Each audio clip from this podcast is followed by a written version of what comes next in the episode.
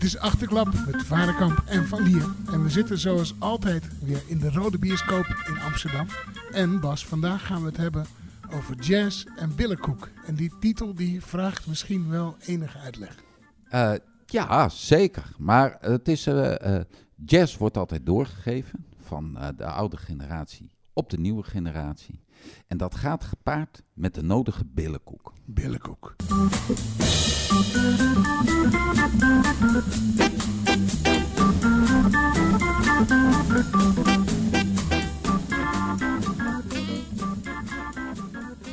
Die, uh, die jazzmuziek die uh, staat in een bepaalde traditie. Hè? En helemaal eigenlijk vroeger. Die, die jazzconservatoria zijn uh, vrij laat gekomen. Ja. Jaren 80, begin jaren 80. En daarvoor leerde je het gewoon op straat en met wie je speelde. En, uh, Al onze helden, zeg maar, die hebben echt niet op het conservatorium gezeten.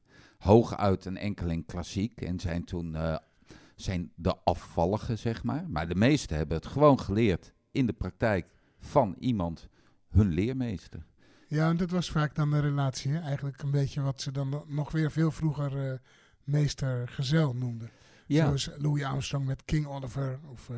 Ja, nou ja, de, de, we, we, kunnen wel doorgaan. Iedere jazzmuzikant, iedere grootheid heeft ook zijn leermeester. Uh, en zijn soms dan hele andere dingen gaan doen. De, de, de, Coltrane, John Coltrane, de bekende saxofonist die helemaal vrij ging spelen. Die, die komt eigenlijk ook, zegt hij ook zelf, heeft het geleerd in die rhythm and blues bands uh, destijds.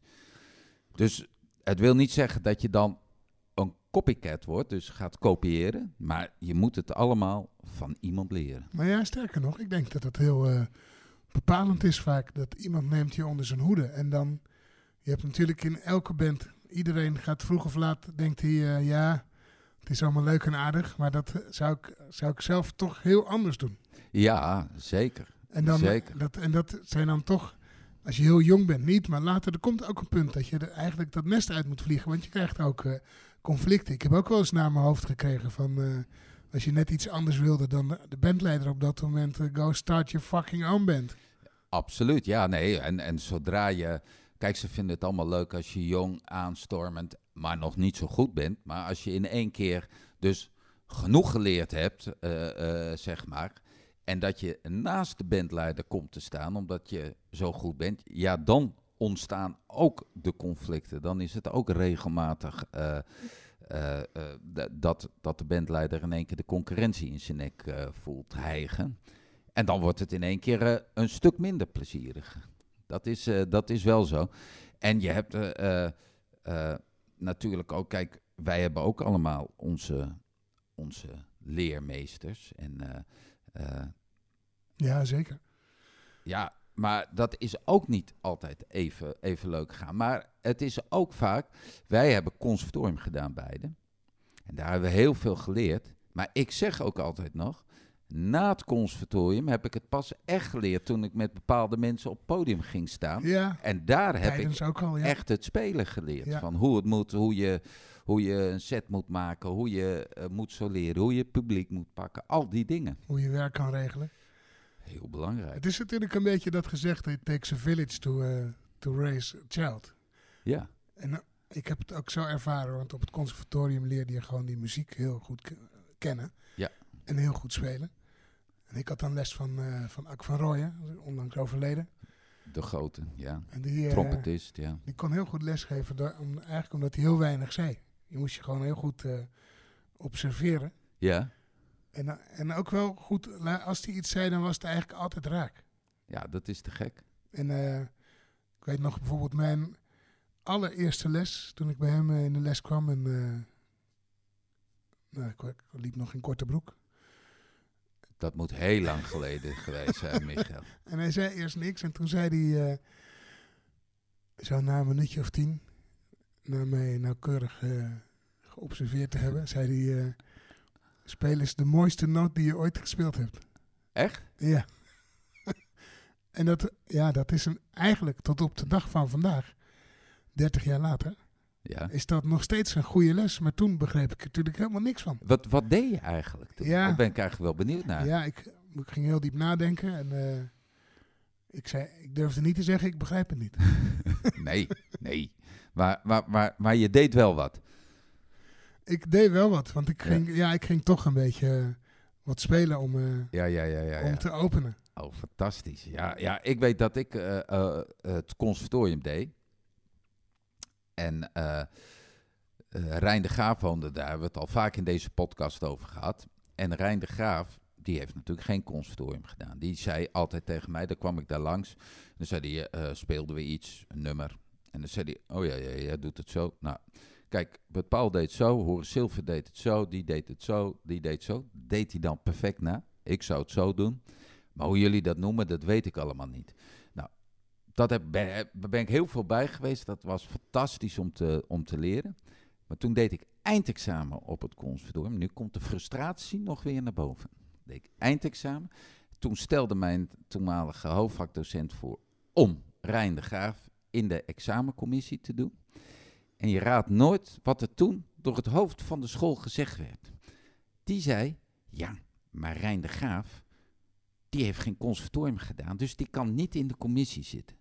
Dat was de man die gespeeld had met de muzikanten die wij allemaal leerden, die ik op mijn eindexamen speelde. Die speel, heeft gespeeld met Blakey, met, met Mobley, met nou, Johnny Griffin, noem maar op, iedereen.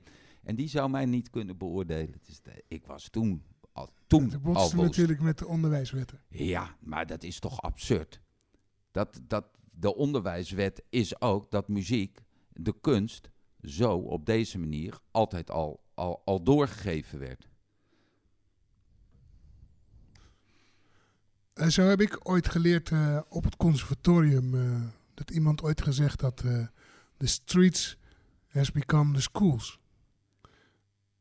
En, mijn, eh, en dan, maar tegenwoordig is het eigenlijk dat de schools has become the laptops.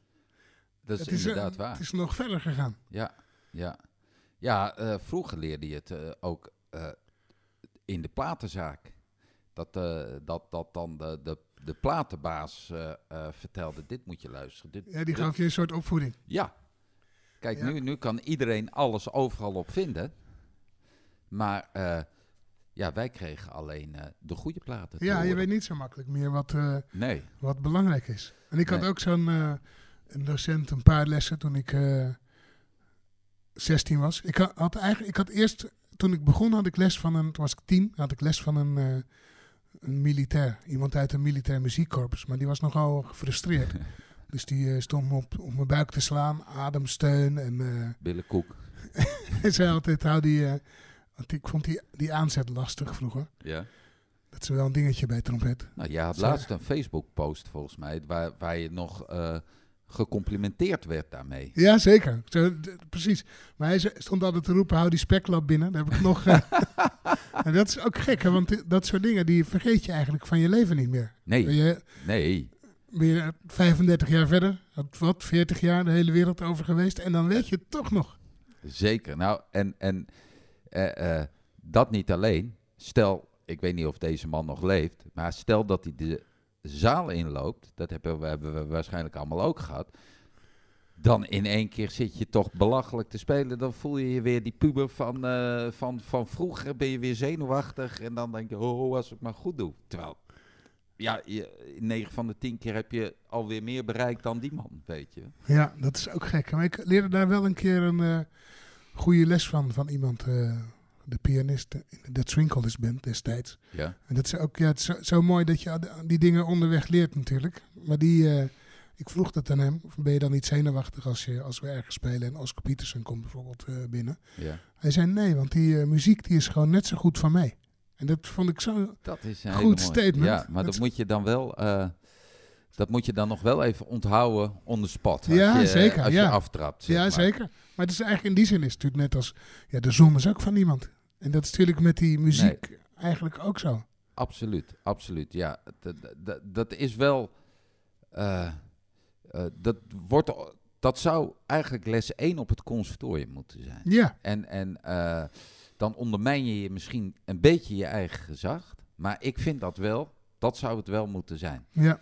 Maar eh, ja, het, het, het, is, het, ja, het is altijd moeilijk van, eh, want, want je hebt soms ook wel gewoon eh, als, als jonge muzikant bepaalde dingen nodig van, nou, dat je ook eventjes verteld wordt dat je niet de beste bent, weet je wel.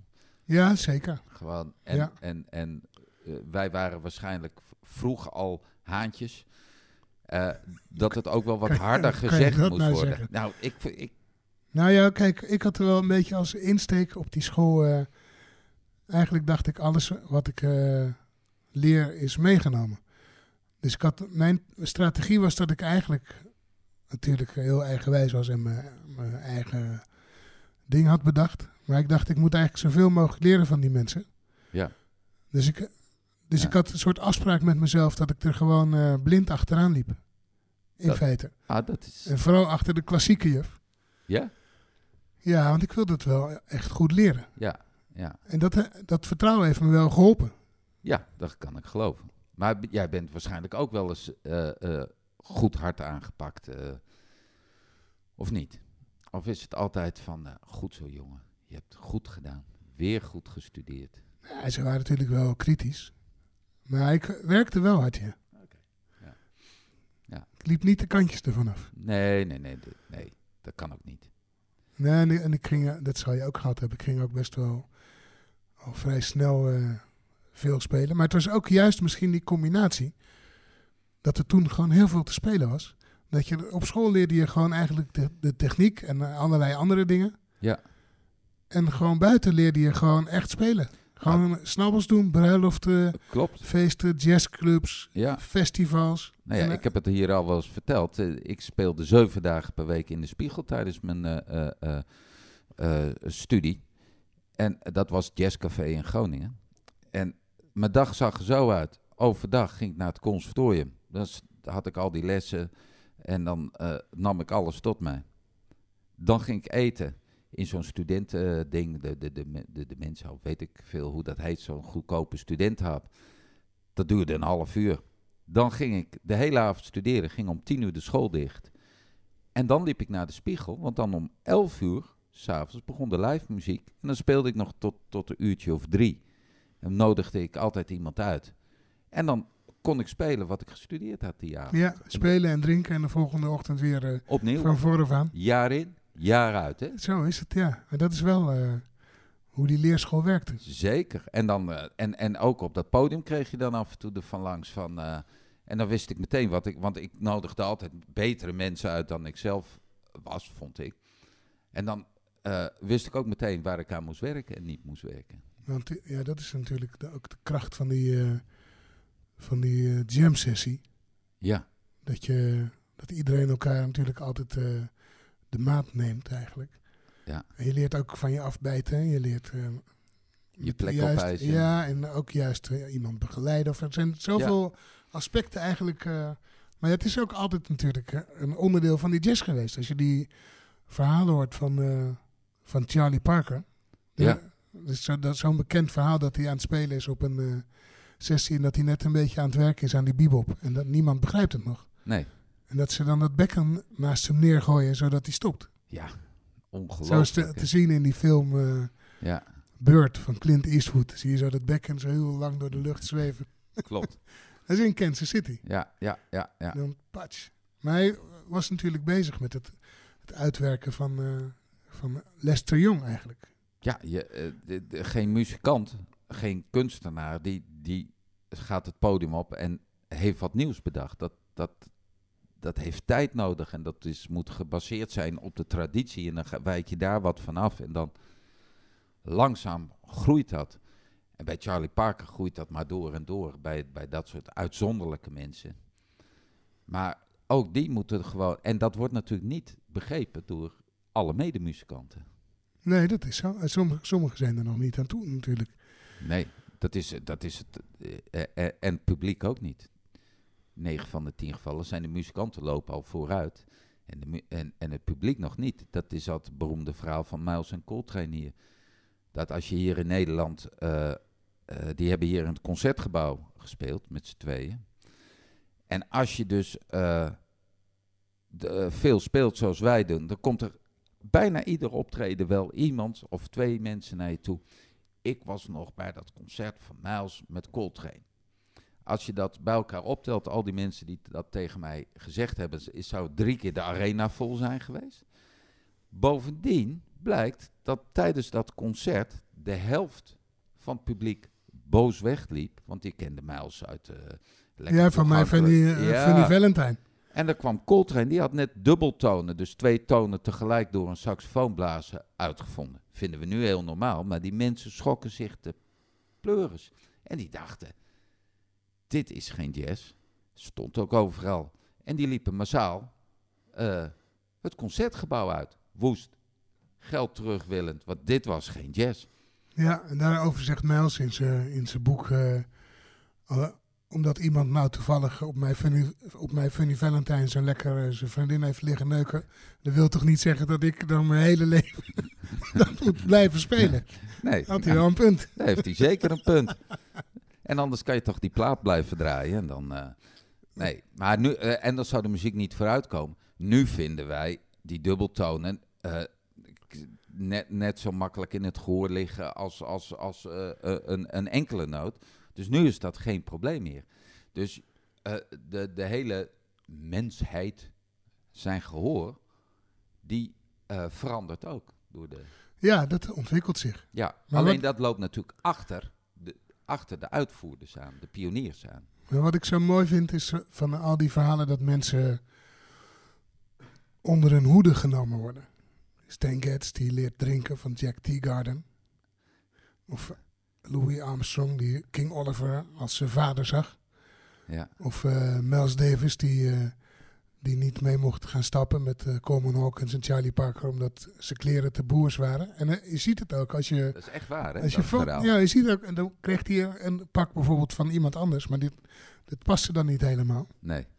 Je ziet het ook op foto's. En die mannen van, waren natuurlijk. Foto's van hem als hij jong is. Dus die, die pakken die zitten slecht, maar die had hij natuurlijk geleend. Ja. Nou, Ik weet niet uh, hoe het bij jou zit, maar ik kijk af en toe een foto van mezelf terug van vroeger. Wat voor pak ik daar af en toe aan durfde te doen. Dat, uh, ja, dat is natuurlijk ook voortschrijdend inzicht. Die dat is voorts ja, en ook dat wordt uh, genadeloos afgestraft altijd door je medemuzikanten. En als je met het verkeerde pak aankomt. Ja, zeker als ze er ook voor hebben wel. Maar zelf vind ik het een mooi verhaal. dat is volgens mij in Nederland, heb ik dat wel eens gehoord van iemand misschien van Ruud Jacobs. Dat Stan Getz, die moet spelen in Nederland. En die stapt uit het vliegtuig en zijn jas zit scheef. Die heeft zijn jas uh, per ongeluk scheef dichtgeknoopt. Maar vervolgens heeft de hele scene gewoon een half jaar met een scheef dichtgeknoopte jas rondgelopen. Omdat dat hip is. Omdat dat hip is. Ai. Dus dat zit natuurlijk, dat vind ik ook zo'n zo mooi aspect. Dat je gewoon als jongeling ja, je bent gewoon fan van mensen. En je, ja. het is zoals jongetjes uh, voetballers uh, nadoen op straat. Klopt. klopt. Je maar, kruipt daar gewoon helemaal in. Zo is mode toch nog steeds eigenlijk. Zo heb ik ook wel eens gehoord dat die broeken, die spijkerbroeken die al die jongens uh, halverwege hun kont dragen, weet je wel, met die uit, dat dat komt uit de, uit de gangs van, van uit de gevangenis omdat daar geen riem mochten hebben. Ja, zeker. Ja. En dat weet je wel. Maar op een gegeven moment droeg iedereen dat. Zo. Ja, maar dit is dan natuurlijk zo specifiek op de jazz. Maar had, je, had jij zo'n uh, zo'n held toen je opgroeide? Of was, of was uh, Rijn dat? Nee, dat was, nou, qua kleding was Rijn dat niet, kan ik je verzekeren. Nee, maar iemand die, maar, je, gewoon, maar, die je wou zijn. Nou, voor mij was het eigenlijk... En vroeger wou ik eigenlijk het liefst al, al, een oude man zijn. Want ik had alleen maar van die hele mooie jazzfoto's van Dexter Gordon, van, van, van al die grootheden, die er zo verschrikkelijk mooi strak in het pak uitzagen.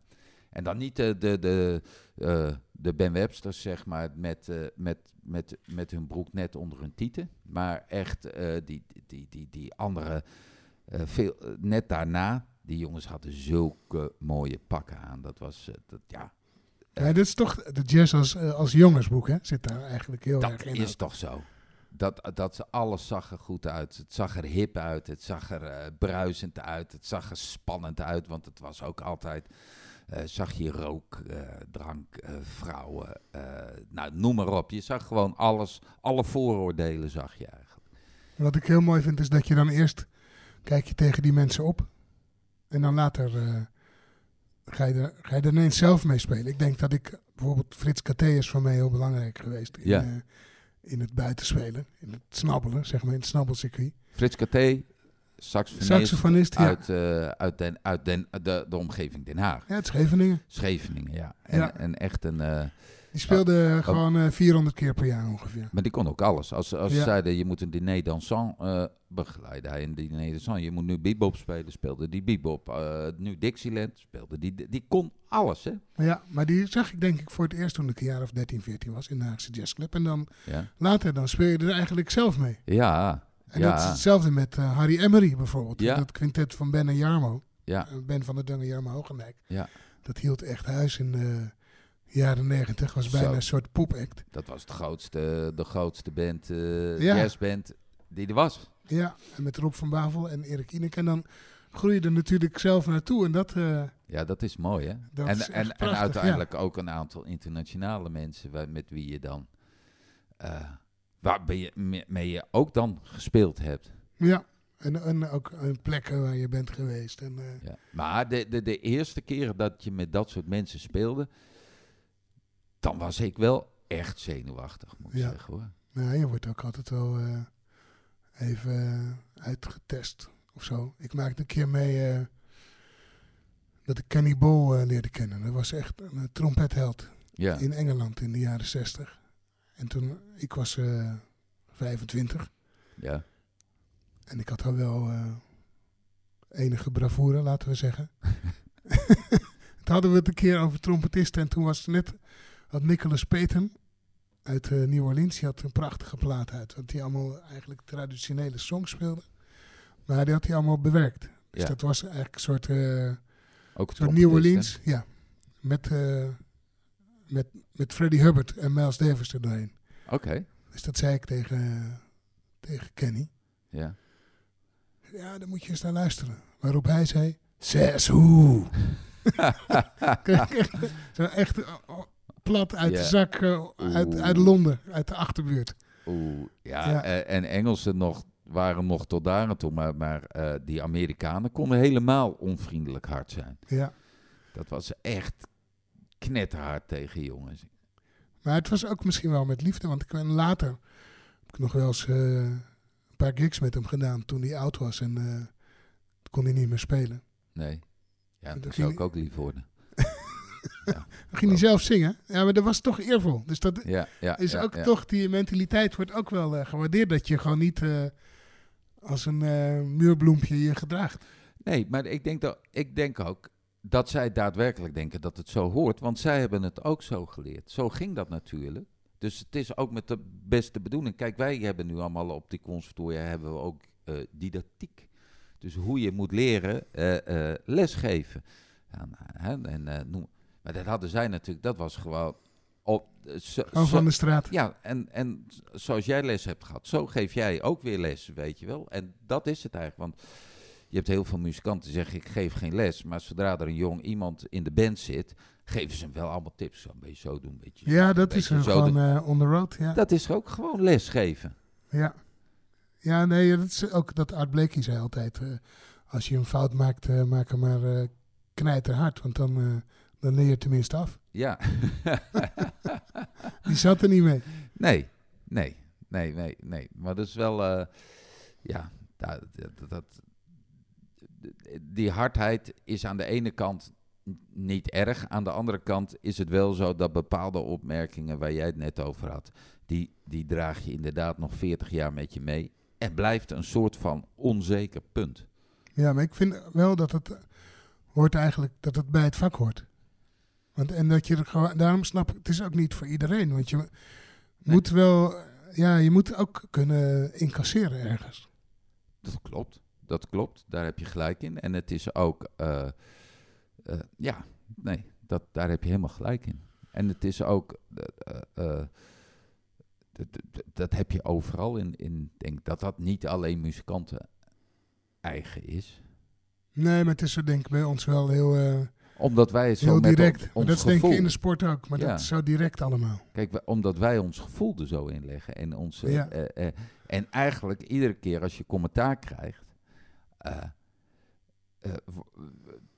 vat je dat zo persoonlijk op, omdat het muziek zoiets persoonlijks is.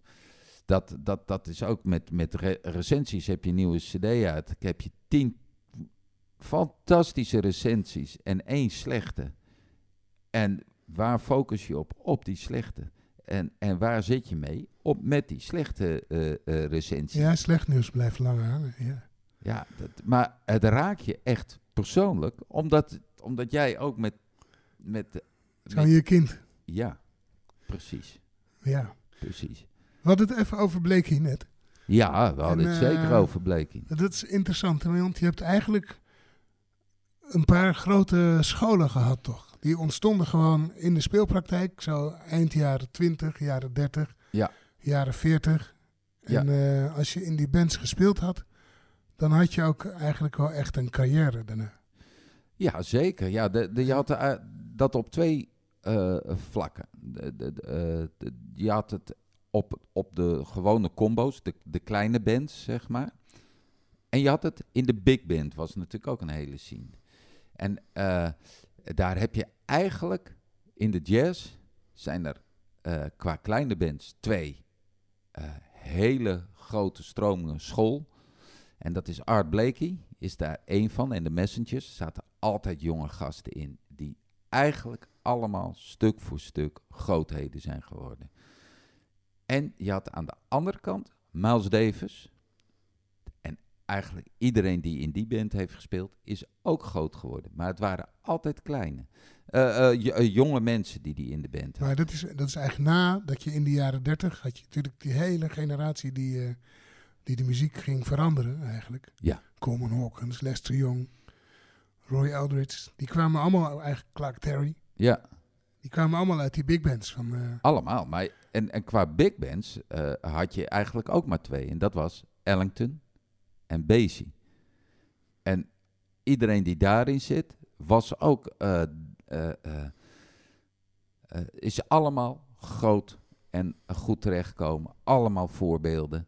Dus die mensen, Count Basie, big band leider, Ellington, big band leider, Art Blakey, drummer, Miles Davis, trompetist, waren allemaal, hadden een extreem goede neus van eh, wie ze in de scene in hun band moesten nemen.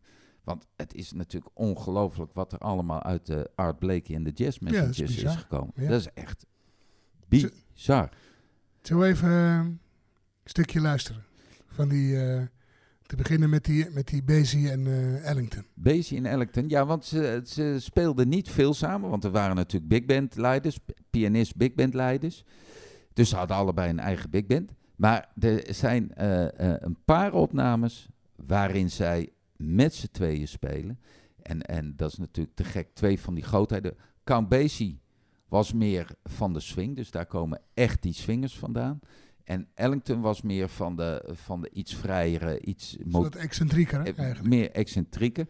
Dat overlapt elkaar ook niet erg. Er is één trompetist die bij beide heeft gespeeld. En dat is Clark Terry. Precies, Onze held ook. onze held. En eh, ik zou even, want ik heb hier het lijstje voor me wie er allemaal... eh, Ray Nance, eh, Thad Jones, Groot. Snooky Young, Quinton Jackson, Benny Powell, Juan Tisol, Russell Prokop, Johnny Hodges, Paul Gonzalves. En dat allemaal op één plaat. Freddie Green, Ja. Sam Woodyard, Sonny Payne. Ja, het is zo ongelooflijk. Je hebt allemaal ook een soloplaat van hun in de kast. En wat natuurlijk het, het voordeel was van die bands, dat ze gewoon altijd on the road waren. Dus dat is ook, eh, ja, je ging in zo'n band op je zeventiende bijvoorbeeld. Ja. Dat gebeurde al. Ja.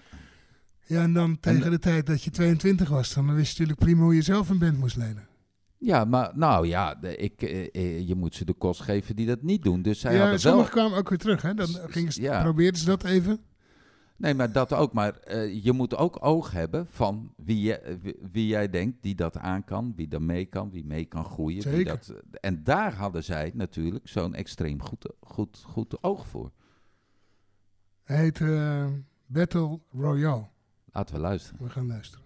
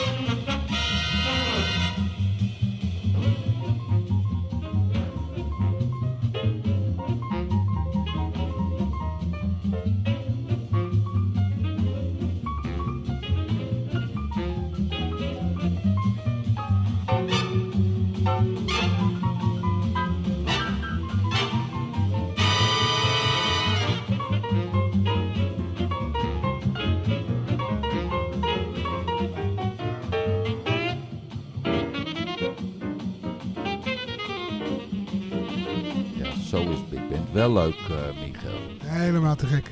Zo is Big Band wel leuk. Want uh, het is ook geen geheim dat wij niet, uh, niet de grootste... Of ik er niet, dat moet ik zeggen.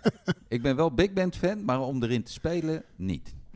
Nee, dat is natuurlijk een andere tak van sport. Ik vond zelf de Fravra Big Band altijd wel heel leuk, bijvoorbeeld. Begrijp ik. Maar het is, ja, het is een andere vibe. Je komt natuurlijk minder toe aan die persoonlijke expressie. Dat, ja. En, en ik was er ook gewoon niet, uh, ik was er ook niet het beste in. Moet ik ook eerlijk toegeven. Terwijl, over leermeesters gesproken, ik zat altijd met, uh, uh, ik heb les gehad van Henk Meutgeert. De, de, dat is de big band leider van het Concertgebouw. Big band heeft hij mede opgericht. En, en daarvoor de Skymasters, alle grote big bands, arrangeerde die voor.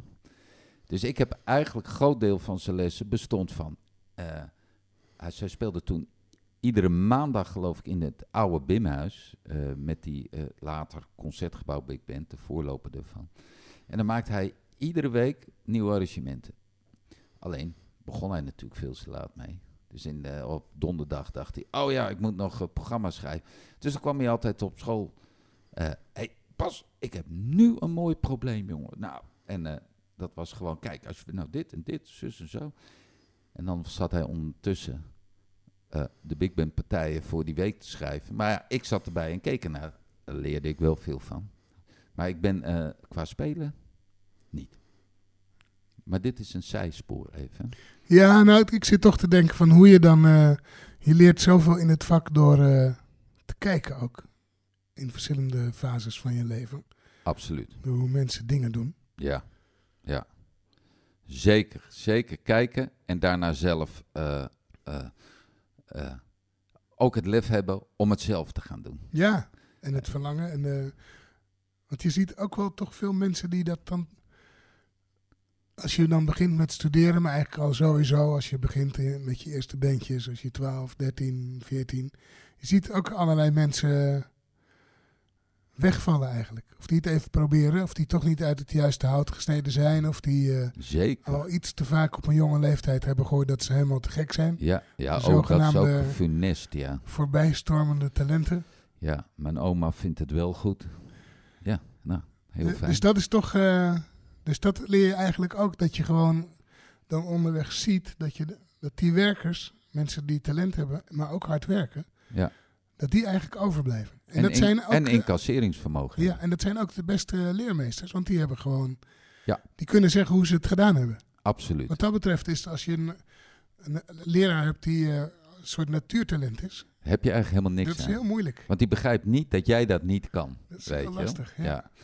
Maar er is natuurlijk wel, dat, kijk, uh, Winter Marsalis, de trompetist, oud uh, bleek je in de Messengers. Ja. Nou, daar zijn opnamen van, was hij nog niet eens 18 geloof ik. En, en dan blaast hij alles en iedereen al naar huis. Dat is een natuurtalent. Maar die schijnt ook heel goed les te kunnen geven. En heel goed ja, education ja. te kunnen doen. Dus zeker. er zijn ook weer uitzonderingen op. Heb ik wel eens mee uh, gespeeld op een uh, aantal malen eigenlijk. Met winter? dus uh, jam sessies in het Bel Air Hotel. Die had je destijds ja. in de nachten rond het Noordzee. Zeker. En dat was altijd zo'n eikpunt eigenlijk. Dan ging je echt naar die sessies toe. Ja. En dan, uh, dan, kreeg, je, dan kreeg je billenkoek. Ja. En dan wist je weer voor een heel jaar wat je moest doen. Ik heb Ja. daar gespeeld met Marcus Miller en George Benson en Terence Blanchard. Ik Ja. speelde daar een keer met Nicholas Pate en toen eh, speelde ik een solo en ik dacht dat ik wel flink uitpakte. En toen eh, lachte die even minachtend en toen eh Pof. ja. een enorme schop onder mijn kont. ja, dat is wat. Dat vergeet ik ook niet meer. nee, menig jazzmuzikant werd daar eventjes eh, aan gort eh, gespeeld. Ja, maar het was ook dat je dacht dat, je, dat je wel perspectief kon zien. En Ja. dat je ook soms dacht, oh ja, nou dat is... Ja. daar kan ik prima meespelen. Ik heb wel altijd moeite me- mee, Michael, en dat weet jij ook wel. Van, dat waren inderdaad fantastische sessies. Iedereen speelde daar. En dan, eh de, je kwam niet iedereen in, maar wij, wij wisten er allemaal wel natuurlijk slinkse wijze in, in te komen, omdat, omdat je dat gewoon zo graag wou. Dus dan lukt het ook. Maar, nu komt het. Eh, dan heb je daar gespeeld, midden in de nacht, twee uur, eh, s s'nachts, noem maar op. En dan zie je die maand daarna, nu of nu nog, op eh, websites van muzikanten staan, heeft gespeeld met. En dan staan al die namen met wie ze weet twee uur s'nachts dronken eh, eh, met zo'n gast op een jam sessie heeft gestaan, weet je wel. Dan denk ik, ja, dat telt dus niet, hè. Ja, maar je moet het ergens, moet je dat cv opbouwen. Ik snap het ook wel. Ik snap het ook wel, Michael, maar... wou je mij nou ongelijk gaan geven, Michael? Nee, Dat ik vul je wel aan. leuk vinden. Dat ik wel leuk vinden. Maar dan, eh, Ik vul je aan. Ja, maar dat is wel het mooie van, eh, van jazz, toch? Hoe dat, eh, ho- hoe dat gaat. zeker, En hoe je, hoe je leert ook gewoon. Ik speelde bijvoorbeeld een keer met, op Cuba was dat. Havana Jazz Festival. Met Efrim was er ook bij. We waren met vriend? Efrim uh, Trongilio, de saxofonist Ah. uit Amsterdam. Ja. En wij waren ook, ja, we waren broekies en wij jamden de hele nacht. En toen zei ik, eh, nou, s ochtends tegen de rest van het orkest, eh, ja, was wel een lekker eh, pianist gisteren waar we mee speelden. Moest iedereen lag helemaal onder tafel van het lachen, maar dat was Chuchu Valdez.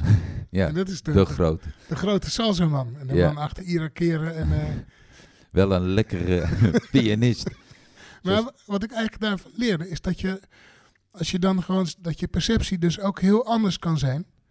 Als je gewoon niet die status weet. Als je, als je iemand niet kent en dan Nee, denk dat je, je dan veel lekkerder speelt. ja, Ja. en dat je eigenlijk dan zo, dat het zo dichtbij is ineens. Als je zo jong bent, het zijn ontdekkingen. Zeker. En, en maar wat, wat, wat ik ook wel ervaren heb, eh, de, in, in, eh, in mijn eh, carrière, is dat de hele grote, als je daarmee te spelen komt, is een feest altijd. Zijn aardig, geïnteresseerd, zijn, zijn leuk, is fijn spelen. De mensen die net tegen die top aanhangen, dat is een ramp om mee te spelen. Die zijn eh, egoïstisch, naar, niet leuk. eh,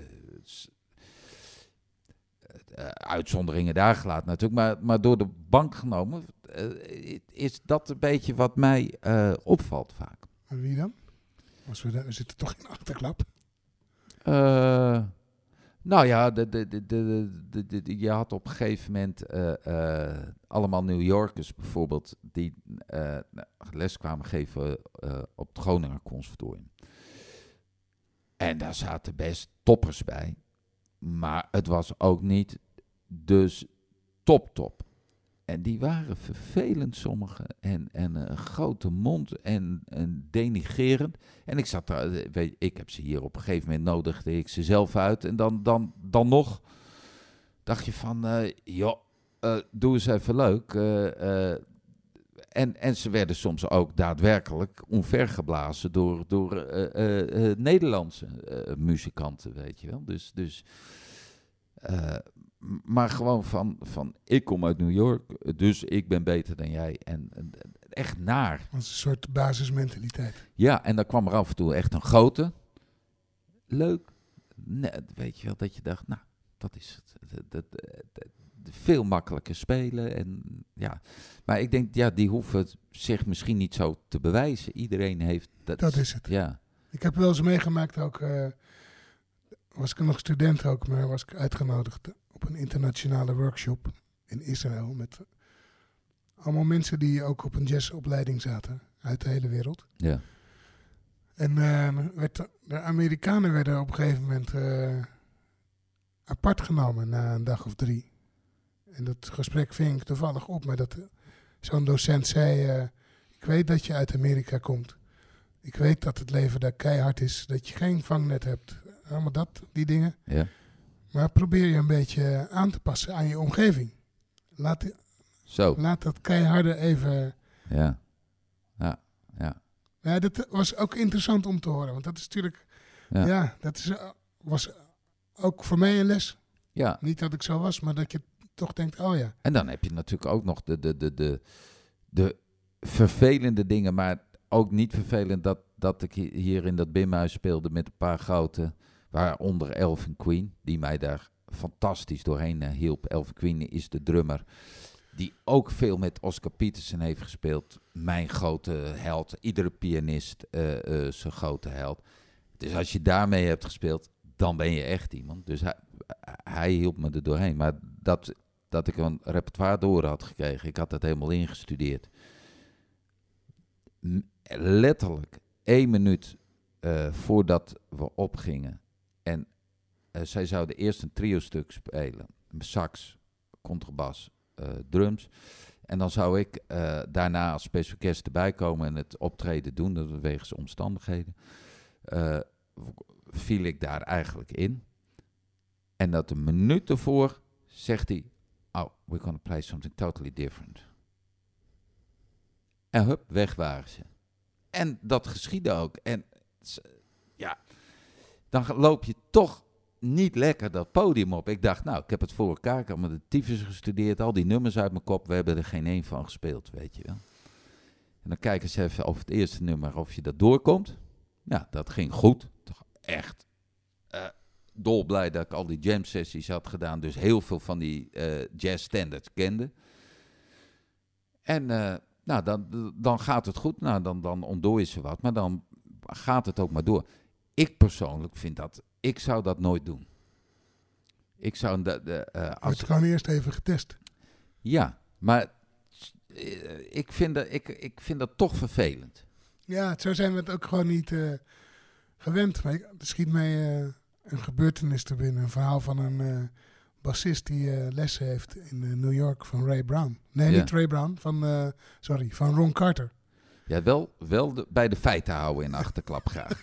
Juist. de Ron. Carter. Ron Carter, de bassist. En eh, die gaat voor zijn eerste les gaat hij naar hem toe, maar hij is niet thuis. Nou ja, oké, kan gebeuren. Tweede les. En hij krijgt les, niks aan de hand. Hij betaalt hem en zegt, nee, ik moet die eerste les ook hebben. That's the first lesson. Echt waar? Nee. Ja, maar zou dit echt gebeurd zijn? Ja. Dit is echt gebeurd. ja. Maar Ja. dat zijn dan nog de leuke dingen. Maar, Nou ja, of leuk is het niet, dat is vervelend voor zo'n gast en noem maar op. En voor ons is het ook allemaal vervelend. Ja. Maar het ging natuurlijk, eh, weet je wel, er gaan ook verhalen over dan, dan eh, dat een, jonge Tony Williams eventjes eh, eh, nieuw in de band kwam. Die was 18 jaar of zo, supertalent, drummer. En eh, eh, ik, zou het netjes eh, houden, maar de, de verhalen gaan dat, dat, eh, dat die eh, dan wel eventjes ontgroend moest gaan worden. Nou weet ik niet wat er van waar is, maar al zou er maar 5% van waar zijn, Billenkoek. dan had hij zware billenkoek. Maar dat was misschien ook een beetje de humor van eh Miles Davis. Want er eh, is ook zo'n verhaal over Bill Evans, Wat, wat de grote verhaal? pianist. Dat, Dat verhaal ken ik geloof ik niet. dat hij auditie deed Ja? voor de plaat Kind of Blue. En dat Miles zei, nou, het was, het was echt, het was werkelijk fantastisch, Bill. Maar als je bij de band wil, dan moet je, dan moet je met iedereen naar bed. en toen, eh, twee dagen later, eh, bel- belde Bill Evans eh, Miles Davis op en zei hij, ja, ja Miles, eh, ik, ik heb er echt over nagedacht, maar eh, I really can't do that.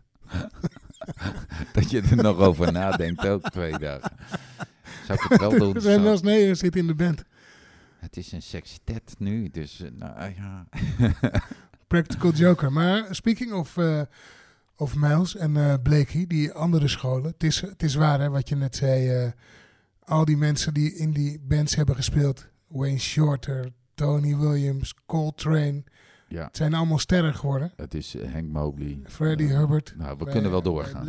Doorgaan, doorgaan. ja. En ehm, eh, bij Miles was het een beetje noodgedwongen, maar die, maar die hield ook van die verandering. Dus die stuurde er ook soms zelf op aan. Zeker. En Blakey die ontsloeg gewoon eh, zijn band elke, Ja. Ja. elke paar jaar. ja, maar Miles wou ook gewoon andere dingen. Ja, Op, eh, de- en dan zocht hij een andere sound. En dan, ja eh, en frissigheid. ja. Ja, maar dat Coltrane wegging vond hij bijvoorbeeld wel heel erg. Natuurlijk vond hij bepaalde dingen wel erg. Maar als hij ook echt daadwerkelijk wat anders wou, wou hij wat. eh, Ja, eh, zeker. eh, ontsloeg hij ze ook net zo makkelijk. Het het werkt Ja. ook twee kanten op. Nou ja, Ron Carter werd bijvoorbeeld ontslagen omdat hij geen... Elektrisch was Ja, die spelen. geen basgitaar nee, spelen. Nee, nee. Ja. nee. de Nou rest ja. is geschiedenis. precies. Zullen we even een stukje draaien? Ja, laten we lekker gaan draaien. Uh, la en de twee, twee scholen bij elkaar, die kwamen bijna nooit bij elkaar. Art Blakey, Miles Davis. Er waren echt uh, twee bands die continu toerden langs elkaar heen, zeg maar. En uh, waar alle, nou, wat we hebben gezegd, grootheden bij elkaar kwamen. Maar ze konden elkaar af en toe ook niet luchten of zien. Hè. Ze kochten ook, probeerden muzikanten bij elkaar weg te kopen. En, en uh, dat, dat, was ook, uh, dat was ook altijd ruzie. Dan wie had de beste band en wie, wie had het jongste talent en wie... En dus die speelden niet met elkaar. Zijn een paar opnames waar ze wel bij elkaar spelen. En op één plaat, dat is echt een klassieker, dat is Something Else. Daar spelen Blakey en Miles bij elkaar. Maar die is niet onder de naam van Miles Davis. Miles was toen al een held, Blakey was toen al een held. Maar daar hebben ze maar besloten Cannibal Adderley de, de baas te maken. Want uh, ja, dan, dan was het niet uh, of Miles zijn plaat of Blakey zijn plaat. Dus dan was het Art Blakey. Uh, oh, dan was het Cannibal Adderley. Maar Miles zei over Blakey... Ja, dat is zo'n ruige drummer, die kan helemaal niet swingen en die kan helemaal niet uh, rustig aanspelen. Op het fragment wat we nu gaan laten horen, laat Blakey, die is dat te horen gekomen, en laat hij horen dat hij dat heel goed kan. Dan swingt hij extreem met een heel rustig, heel rustig gebied. Plaat is in zijn geheel fantastisch, is getiteld Something Else van Cannibal Adderley.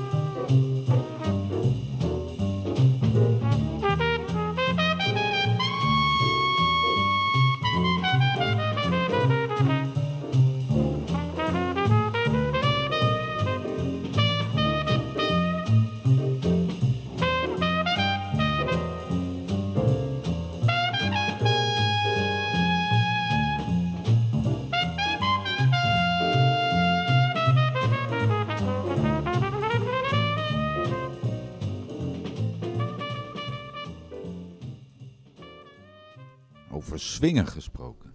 Het is toch ongelooflijk dit. Something else. Nu uh, schoot mij te binnen dat... Er is een hele tijd geweest. En jij weet misschien wel hoe dat zit. Door uh, Jules Deelder. Ja. Uh, dat als je dan... Als je het in Rotterdam over Miles Davis had...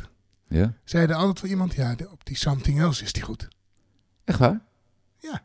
Oh. Dat, dat, dat, daar heb ik... Uh, is het niet de, de lievelingsplaat van Jules misschien? Of zoiets? nou, dat, niet dat ik weet, nee. Hij was er überhaupt geen Miles fan. Nee, dat is zo. Dat was hier. Ja. Dus, dus eh, wat hij wel goed gezegd zou kunnen hebben, wat hij ook wel vraagt. Nou, daar speelt hij nog enigszins acceptabel. Dat, dat, dat kan hij gezegd hebben. Maar voor, voor de rest vond hij die Miles maar uh, niks. Het is wel mooi hè, hoe, uh, hoe bescheiden Blakey speelt. Het is fantastisch dat goede, ongelooflijk ja, die swingt. Ja. En, uh, maar, maar het is ook leuk als je weet dat, dat, dat die twee dus echt geen vrienden zijn. En uh, dat, dat Blakey daar eigenlijk laat zien. Nou, hier, zie je wel, kan het wel.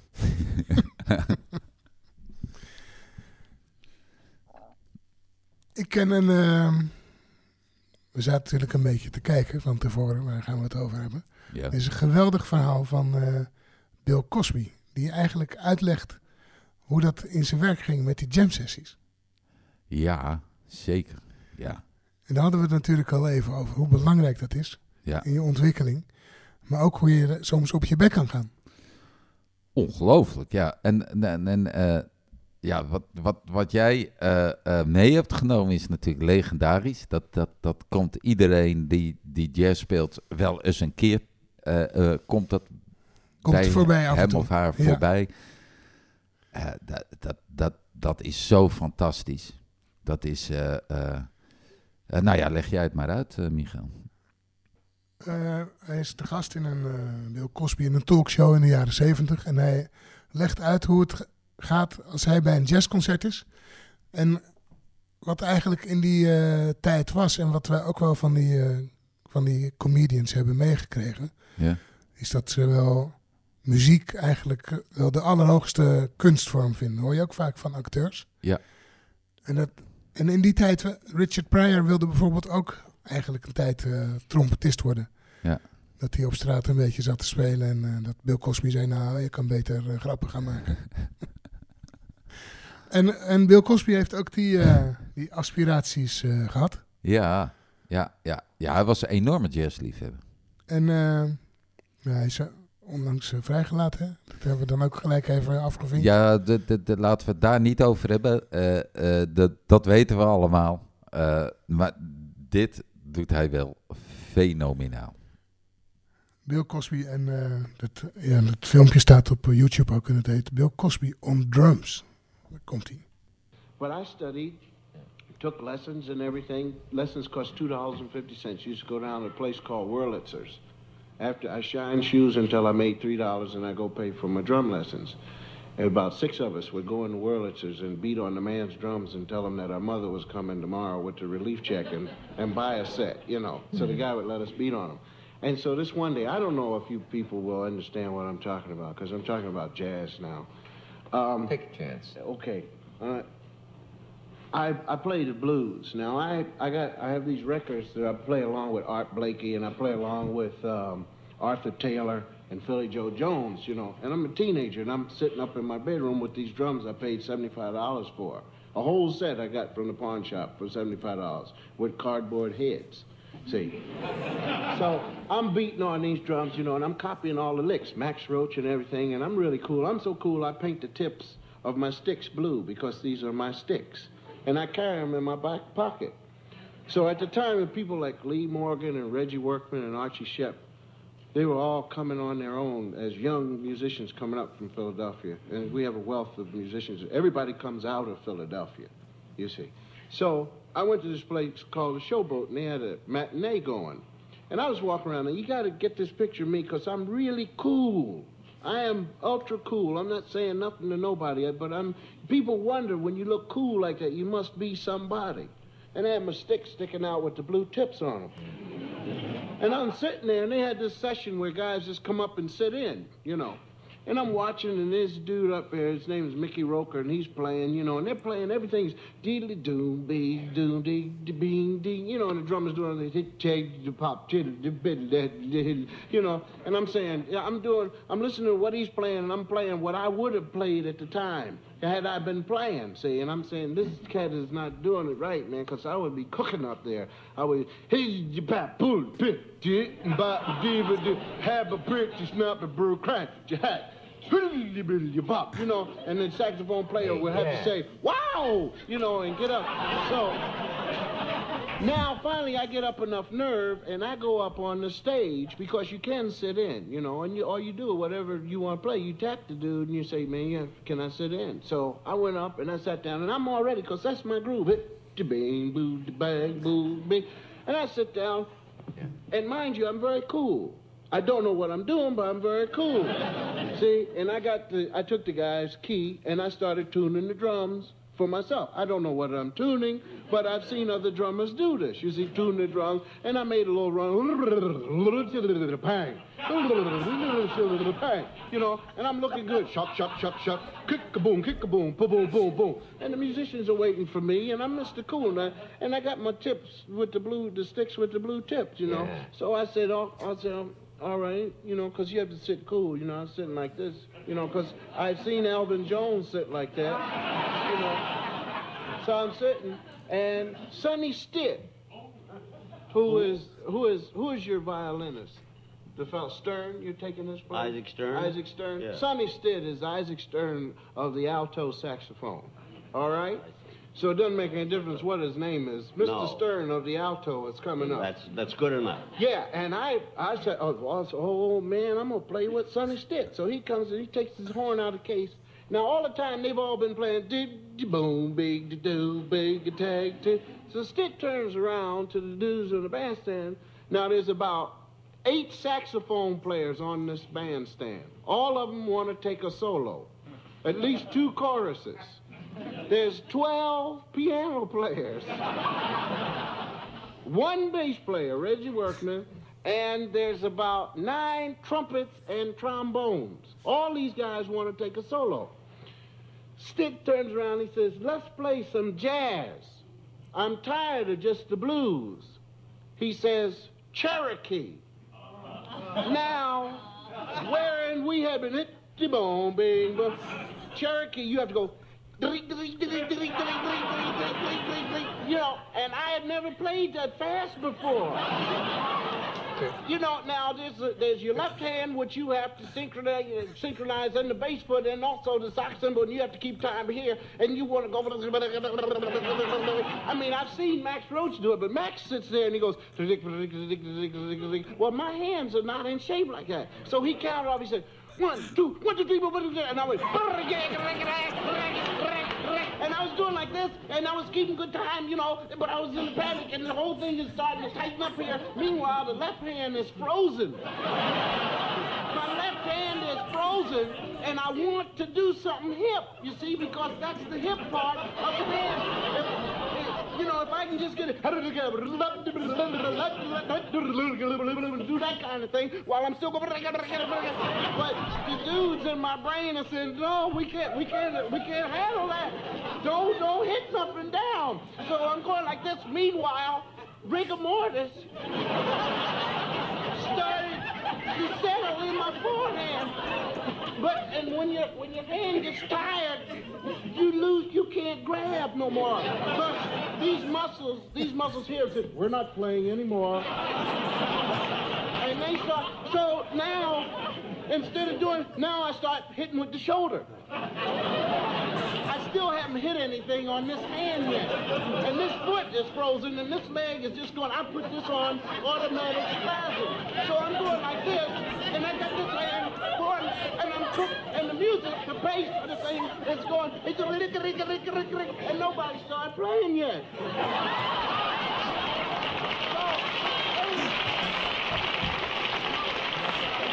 Ai, ai, ai. Wat is dat goed. But my blue tip is flashing.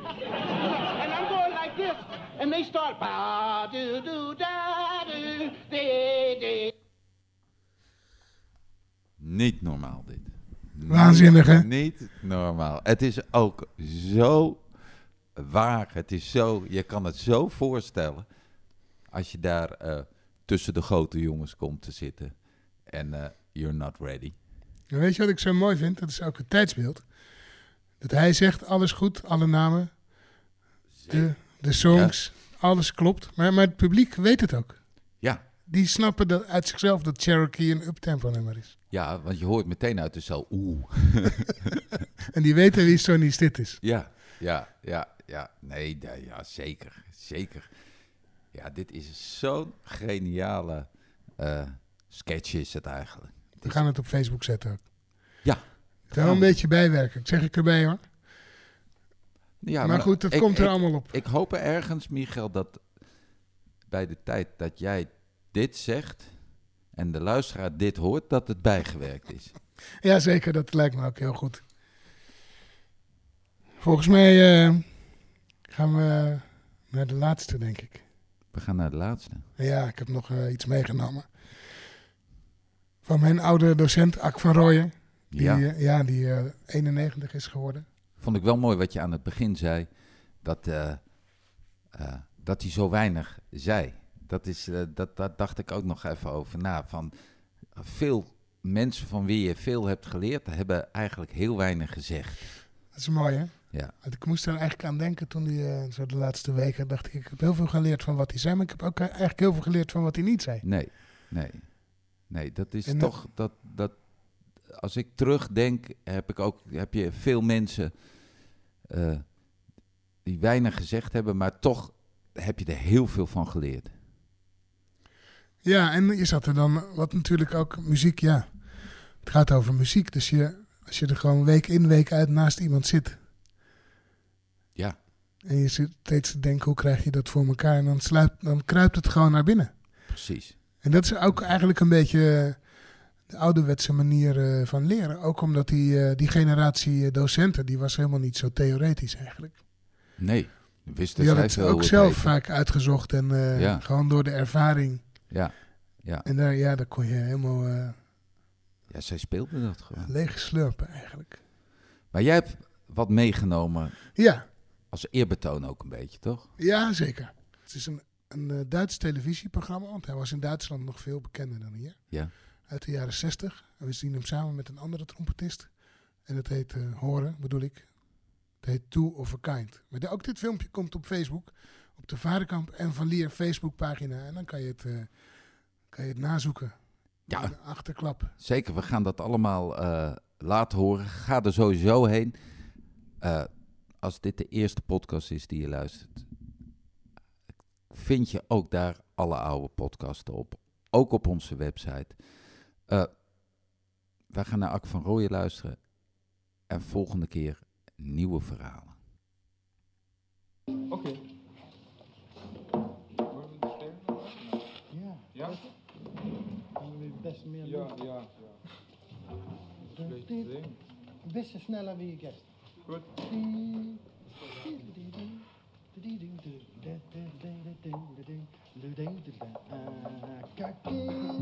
One, two, one, two.